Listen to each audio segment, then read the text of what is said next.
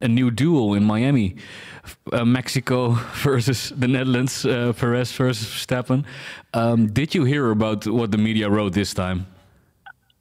I don't think you can call that a duel. What happened? I mean, a duel implies a fight, and there there was no fight. Verstappen just was mighty and powerful and potent, and all the things that Perez couldn't be to take the win in Miami. Uh, the well, as you can see, probably uh, as you can hear, actually, uh, it's very quiet here in the Mexican lands uh, this Monday morning uh, after a huge ruckus that had been made uh, since the Mexicans win in Baku. well, the media right now, some of them are it's it's split. So half of the media is completely uh, omitting the fact that Perez got destroyed by Max. Norberto, do you have got the, the paper Esto?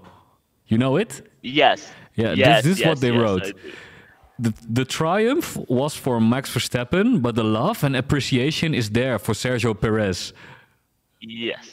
Is that what? Yes, is that uh, does that uh, yeah, summarize that's, what that's, is going on in Mexico? Yes, yes, that's I, I and there are also others, like for instance, SDP Noticias, that's basically saying that Checo couldn't cut it against Max.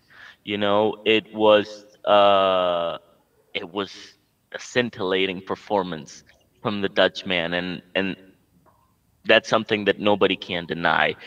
It was Perez's race to lose, and and lose he did. So there's there's a big divide in the Mexican media uh, in regards to everything that went down in Miami.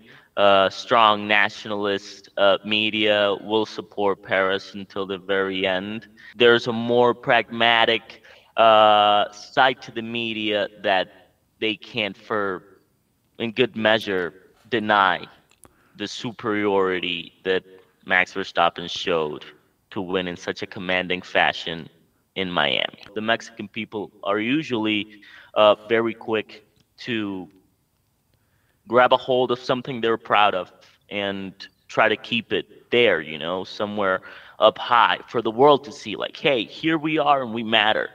And I think Sergio does that for them. You know, he puts Mexico in the spotlight and he's their hero.